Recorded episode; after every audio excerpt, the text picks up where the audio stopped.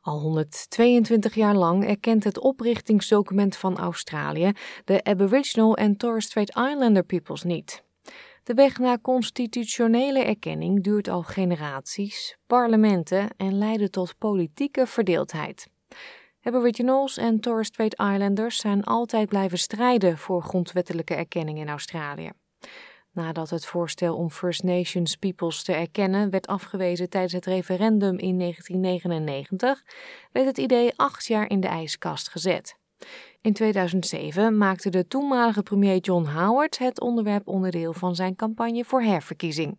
If I'm re-elected, I will put to the Australian people within 18 months a referendum to formally recognise Indigenous Australians in our constitution. Maar het was Kevin Rudd van Labour die de verkiezingen won. Een jaar later deed hij deze historische uitspraak. For the pain, suffering and hurt of these stolen generations, their descendants and for their families left behind, we say sorry. In 2010 richtte de nieuwe regering van Julia Gillard een deskundige panel op voor constitutionele erkenning. Wetgeving om de steun voor een referendum te herzien werd in 2013 aangenomen met steun van twee partijen. Gillard hield destijds een gedenkwaardige en ontroerende toespraak. No gesture speaks more deeply to the healing of our nation's fabric than amending our nation's founding charter. So I commend this bill to the House. Toch werd er geen referendum gehouden. Een ontmoeting met indigenous leiders in 2015 resulteerde opnieuw in een belofte voor hervorming van de grondwet. Dit keer kwamen de woorden van de toenmalige premier Tony Abbott.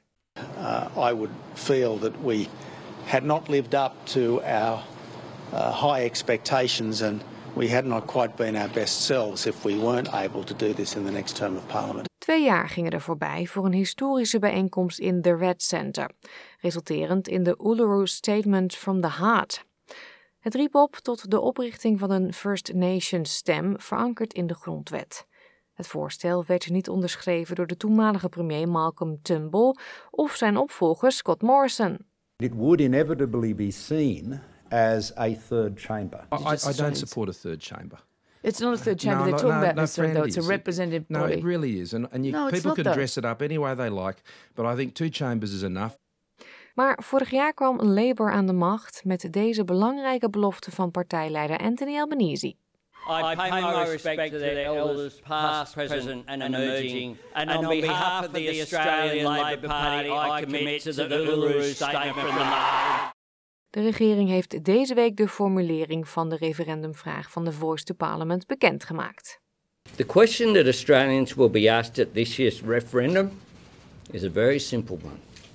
It will read A proposed law to alter the Constitution to recognise the First Peoples of Australia by establishing an Aboriginal and Torres Strait Islander voice.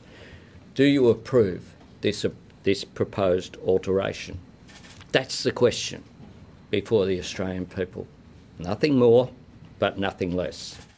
Voordat Australiërs aan het einde van het jaar hun zegje kunnen doen, zal het parlement zich buigen over het vraagstuk. Dit was een bijdrage van Alex Anifantis en Sarah Tomewska voor SBS Nieuws. En deze werd vertaald door SBS Dutch in het Nederlands.